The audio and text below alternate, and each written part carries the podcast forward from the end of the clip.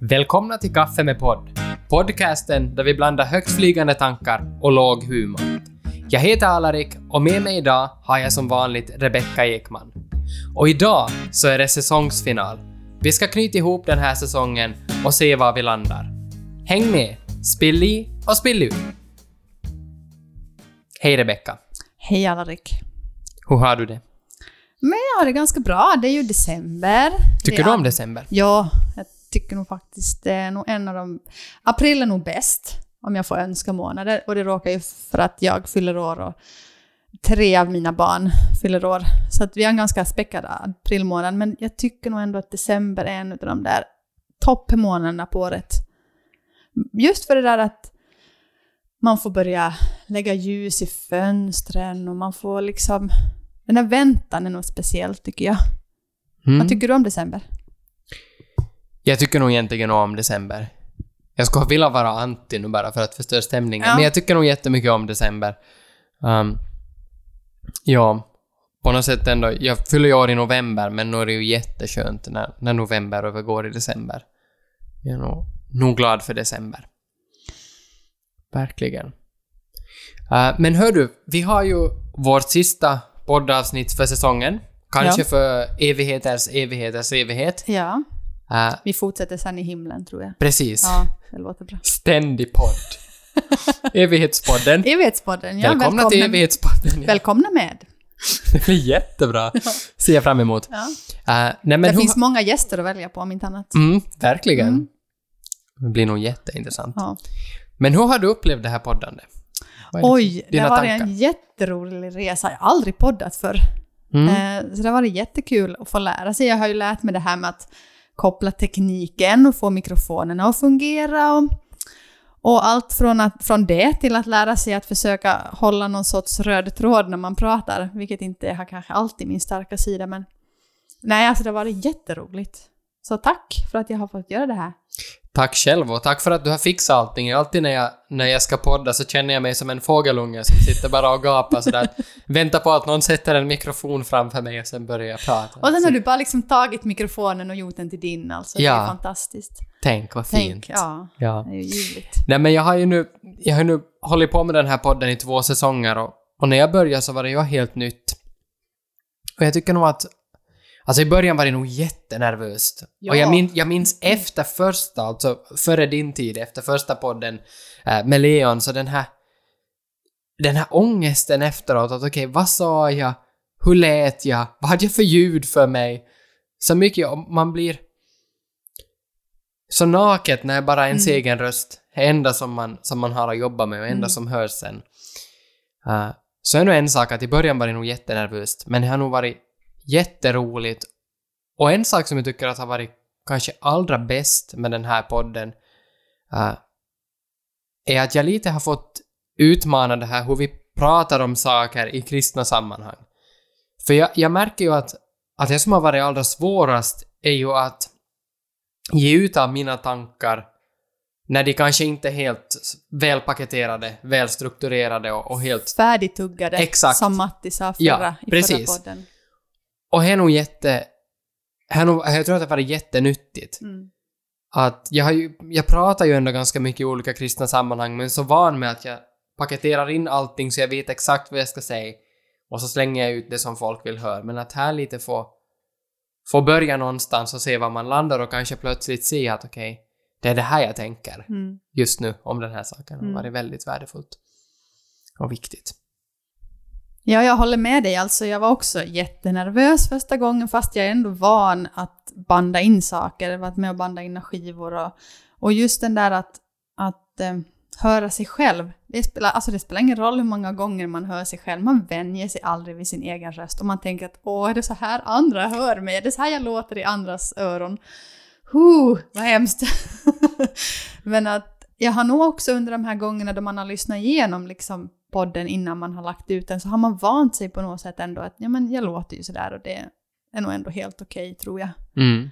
Att det är också jättenyttigt för en själv att få höra på sig själv och, och stiga ur sig själv på Precis. något sätt. Och höra det i efterhand att jaha, är det så här jag tänker om de här tankarna? Mm. Och jag tycker det har gjort någonting med mig också personligen att få, få yttra de här sakerna och få diskutera dem och prata, dem, prata om dem i ett tryggt sammanhang där man vet att... jag- Ingen lyssnar. Nej, ingen lyssnar. Det är bara du och jag. och det är, men alltså på, no, på något sätt ändå att man känner att det är en, en trygg, en trygg liksom, ja men, det, det är tryggt att stå här. Mm. Jag behöver inte vara rädd för att bli attackerad för att jag säger det här eller tycker så här. Åtminstone inte direkt. Och ännu har jag tror jag inte vi har blivit attackerade sådär någon annanstans heller. Nej, in- inte så farligt. Nej. Vi väntar ännu. Vi väntar ännu på de stora attackerna. Ja. Ja.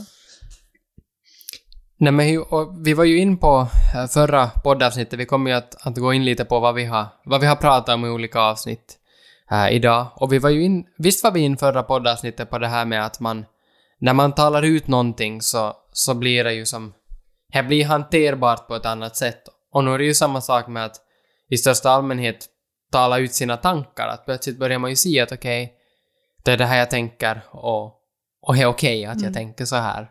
Att jag kan, jag kan göra någonting med de här tankarna. Eh, Jag inser lite mer var, var jag står, vad som Mm. är viktigt. Mm. Och så det, så att... Mm. Men vi har ju haft olika teman. Vill du, vill du göra en, en recap på vad vi har pratat om? Ja, eh, första, vårt för, allra så här, mitt pilotavsnitt, Alriks liksom femte, han stabil poddare, så pratade vi om kreativitet.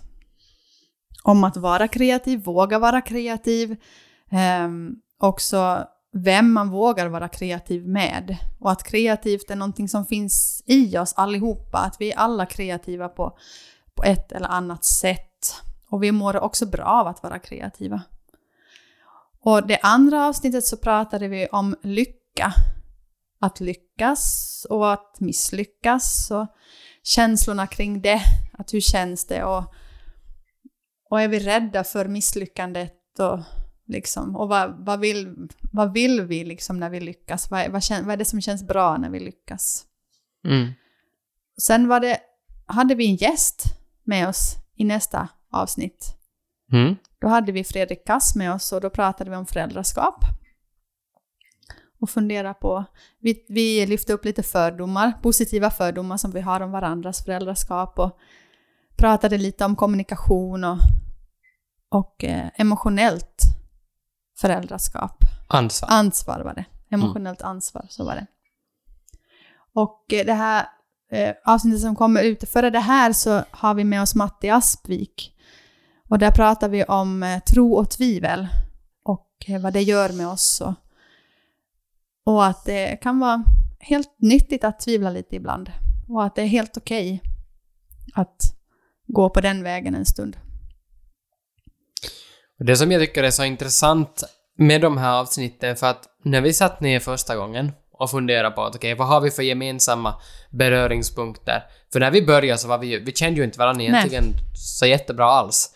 Eh, och, och det första vi på något sätt hittade tillsammans så var ju nog sårbarhet som, Mm. som tema. Men sen så, så blev det ju aldrig sårbarhet i podden. Vi pratade om en massa andra saker. Men ehm, samtidigt när vi skulle knyta ihop den här säsongen och se att okej, vad, har vi, vad har vi gjort?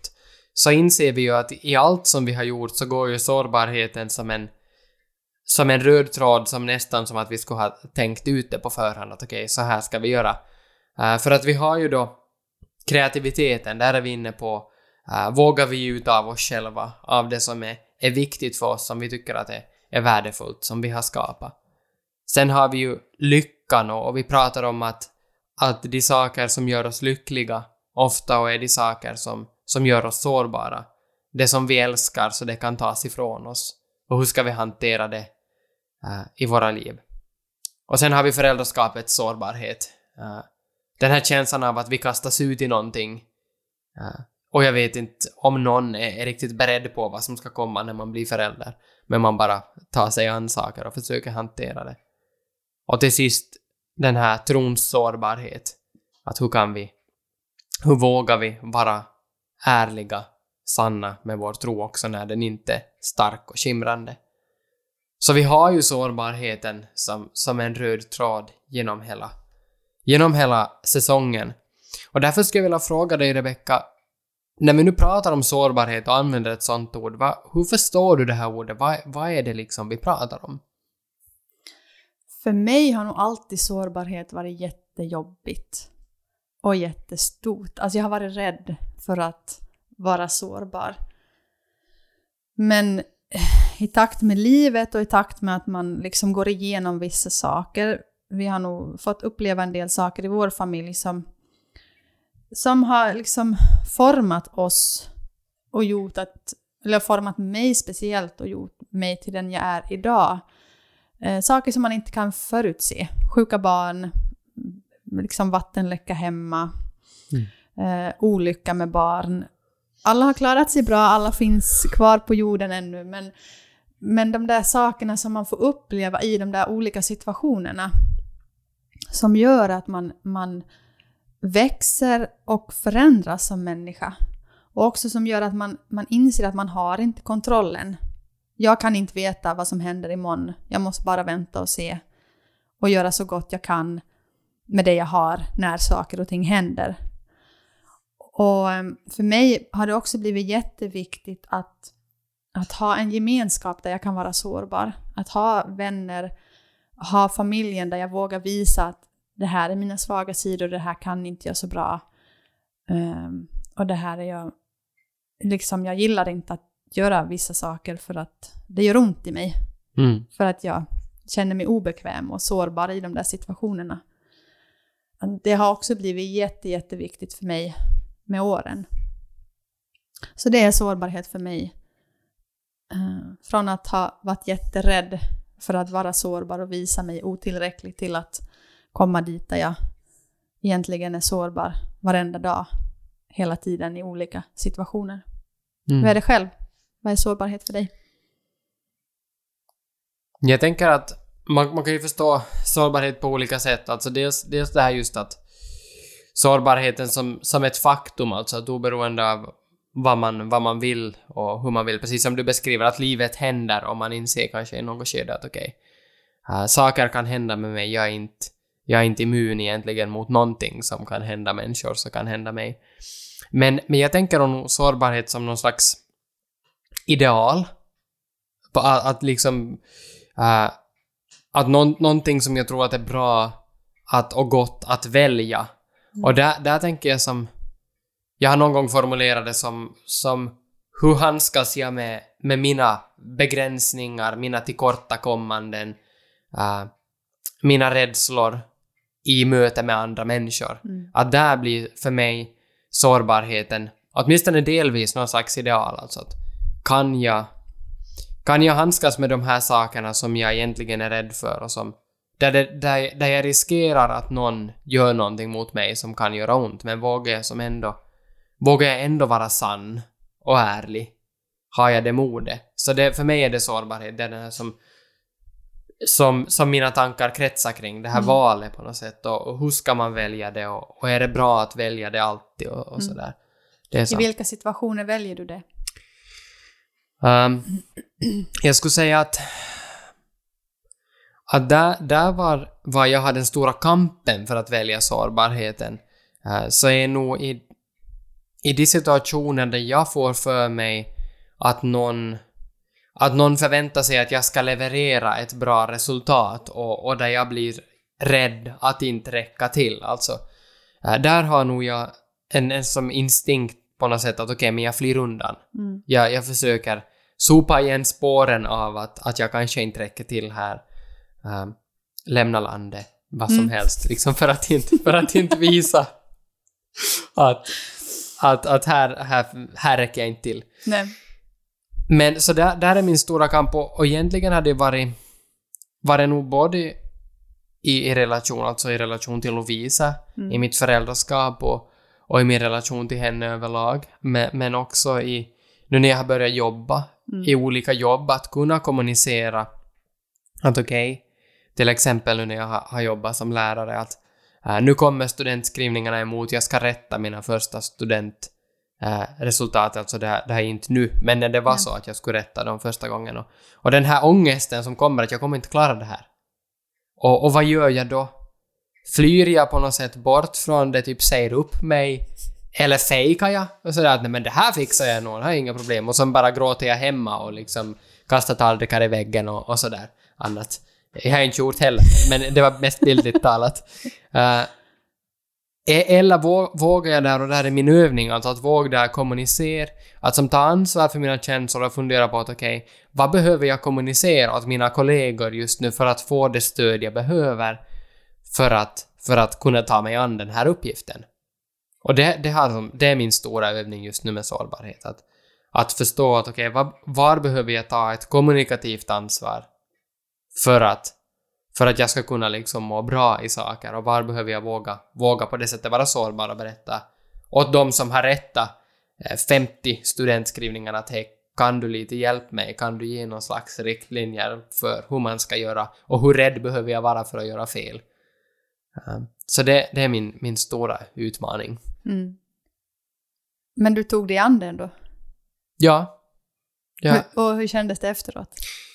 Uh, kändes faktiskt, just den kändes jättebra efteråt. Det gick jättebra mm. att, att rätt studenten och... Uh, men kändes nog bra att jag på något sätt våga ta den hjälp som jag behövde.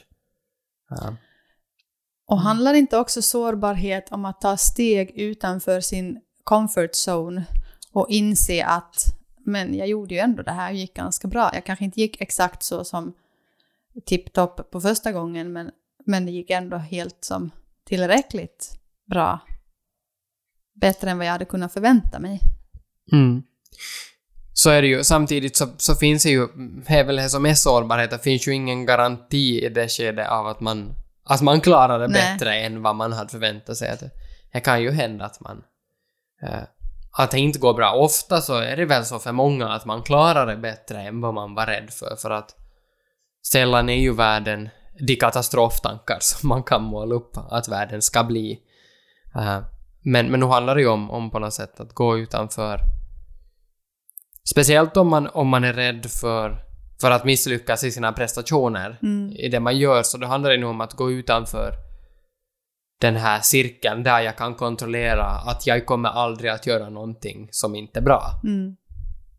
Och det tror jag är, är värdefullt. För för den här cirkeln ändå där man kan kontrollera att allt som jag släpper ur mig så har jag helt kontroll på att det nästan är perfekt, eller åtminstone så bra så det kommer att skicka en våg av wow åt allihop jag har runt omkring mig. Så den är ganska liten, man mm. kan göra ganska lite mm. om man alltid ska vara på wow-nivå. Ja.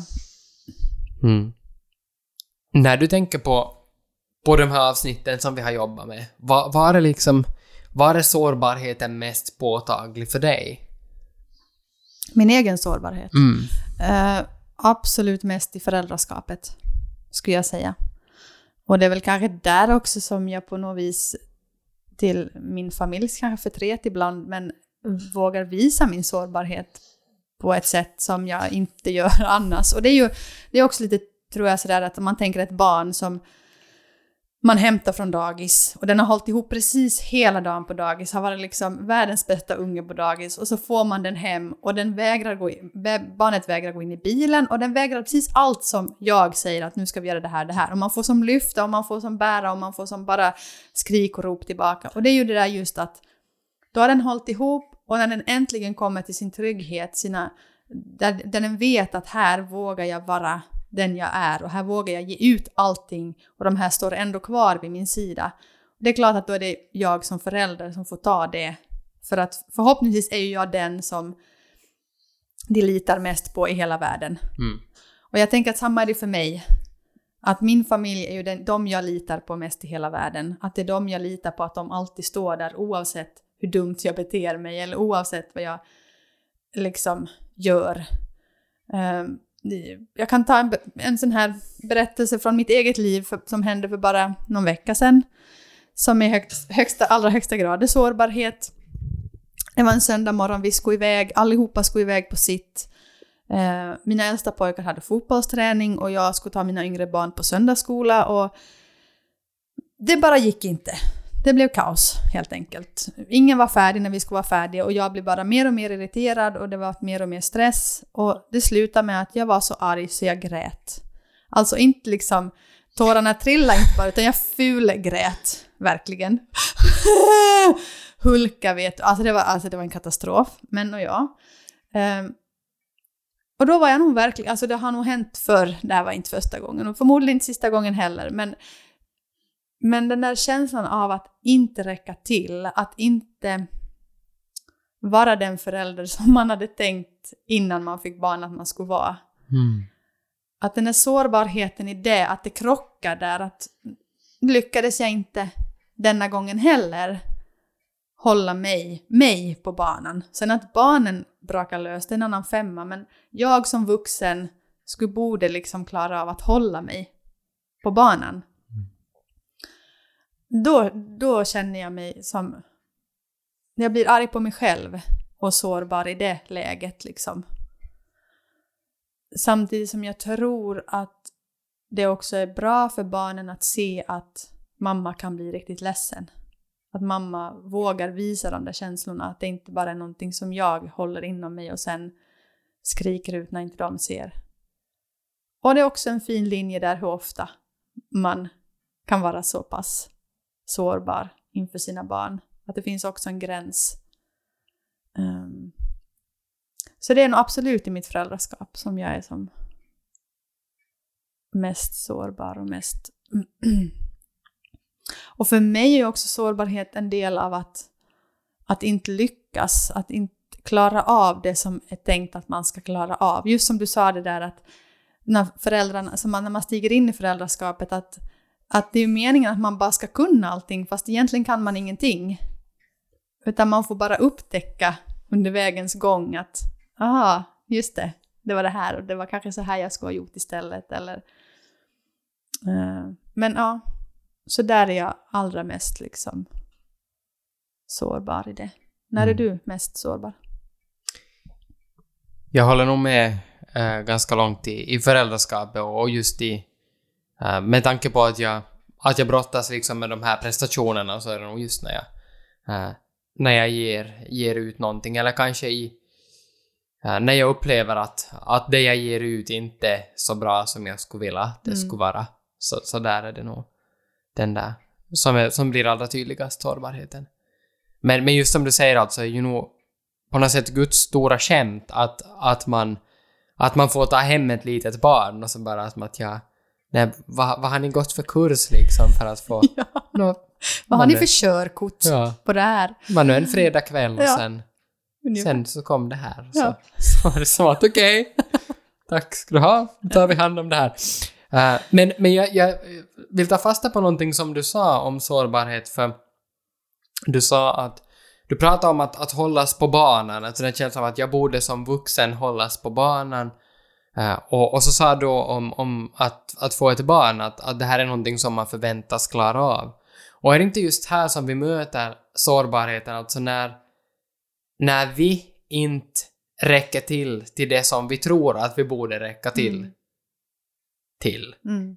Mycket till. Men, till men ja, mm. alltså att, att vi tror att någon, att livet, Gud eller någon, vi själva, har, har en förväntan på oss och vi räcker inte till. Och där är ju som frågan att okej, okay, vad, vad gör vi nu mm. uh, när, när vi inte räcker till? Och där blir vi ju sårbara. Mm. För där kan ju någon komma och, och hacka ner oss oavsett om det, om det har att göra med att, att vår känsla av att, att min tro är inte vad den borde vara.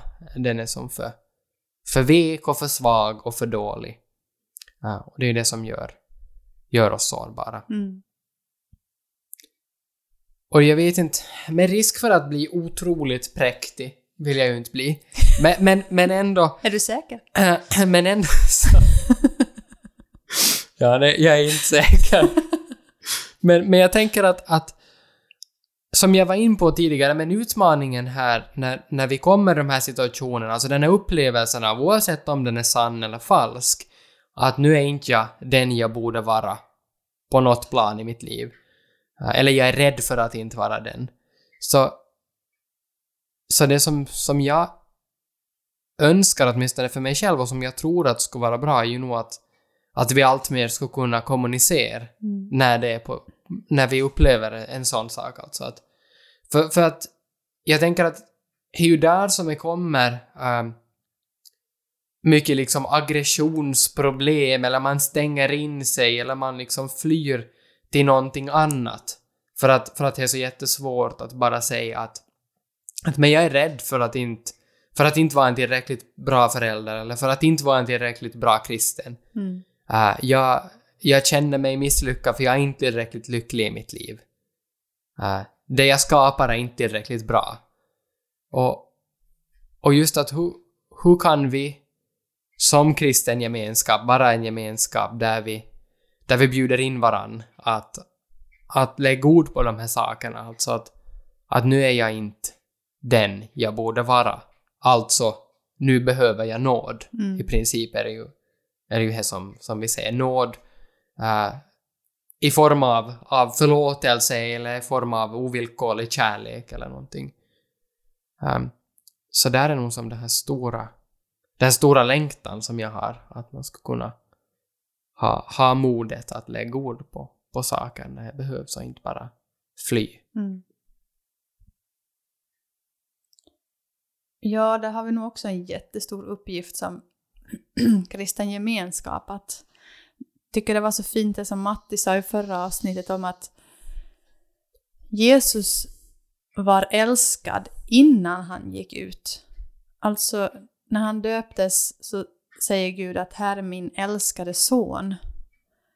Medan vi går ut och gör en massa saker för att bli älskade. Att vi har som missat poängen där lite. Mm. Och jag tror att det är som att, att också om man ska gå tillbaka till föräldraskapet, att ge sina barn det att spelar ingen roll vad du gör eller vem du är, liksom vad du presterar i ditt liv. Det är inte det som är det viktiga. Det viktiga är att du är du och att du är älskad oavsett. Och att så är det för oss allihopa. Att vi är som älskade oavsett vad vi presterar och, eller om vi känner att vi har lyckats. Eh, både eh, med allt liksom vi tar oss för i livet. Eller om vi går runt och tvivlar och tycker att jag är en för dålig kristen. Det har inte med det att göra. Utan det har med att göra att vi är Guds älskade barn oavsett, alltid och jämt.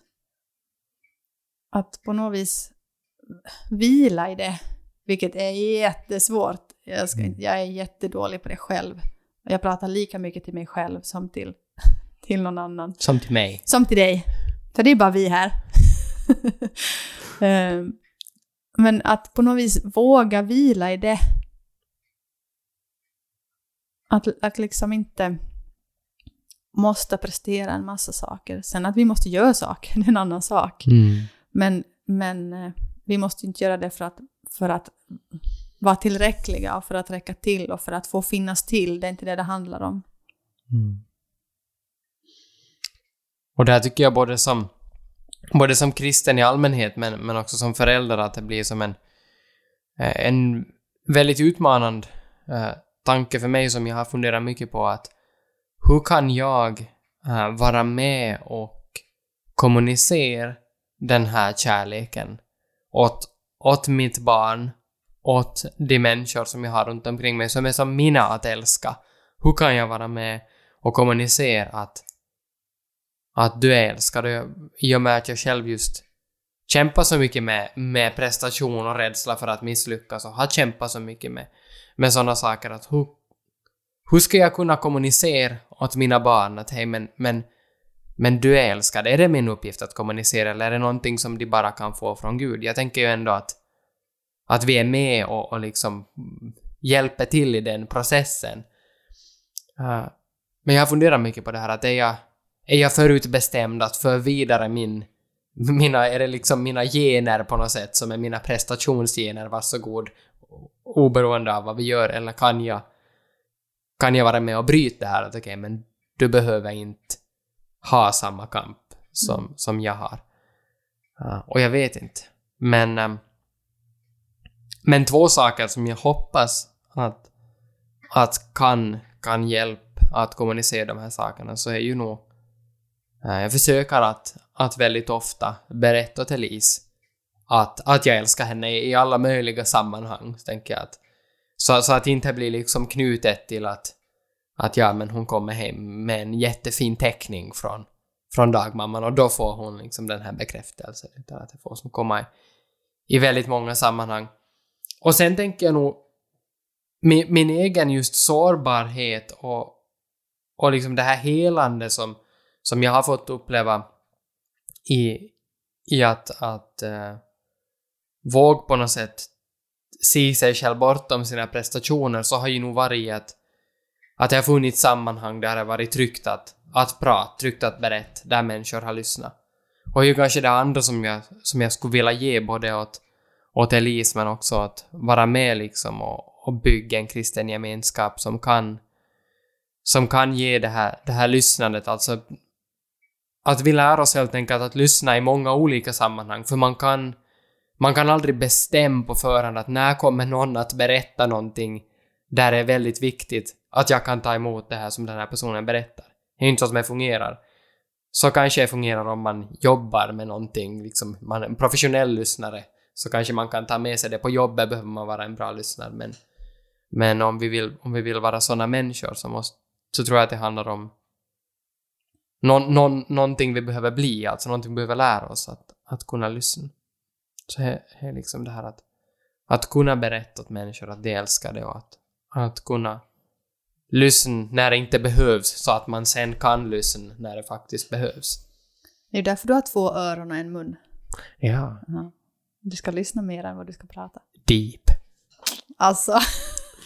På, på min tid när jag gick hjälpmedelskolningen så, så sa ju diakoni eh, diakonen sa ju att, att man ska ta bilden av en åsna för åsnan har stora öron och, och en liten mun. Mm. Mm. Mm. Så att vi har nog fått våra, våra bilder hur man ska vara. Men, men alltså, ja, men det är ju jättesant.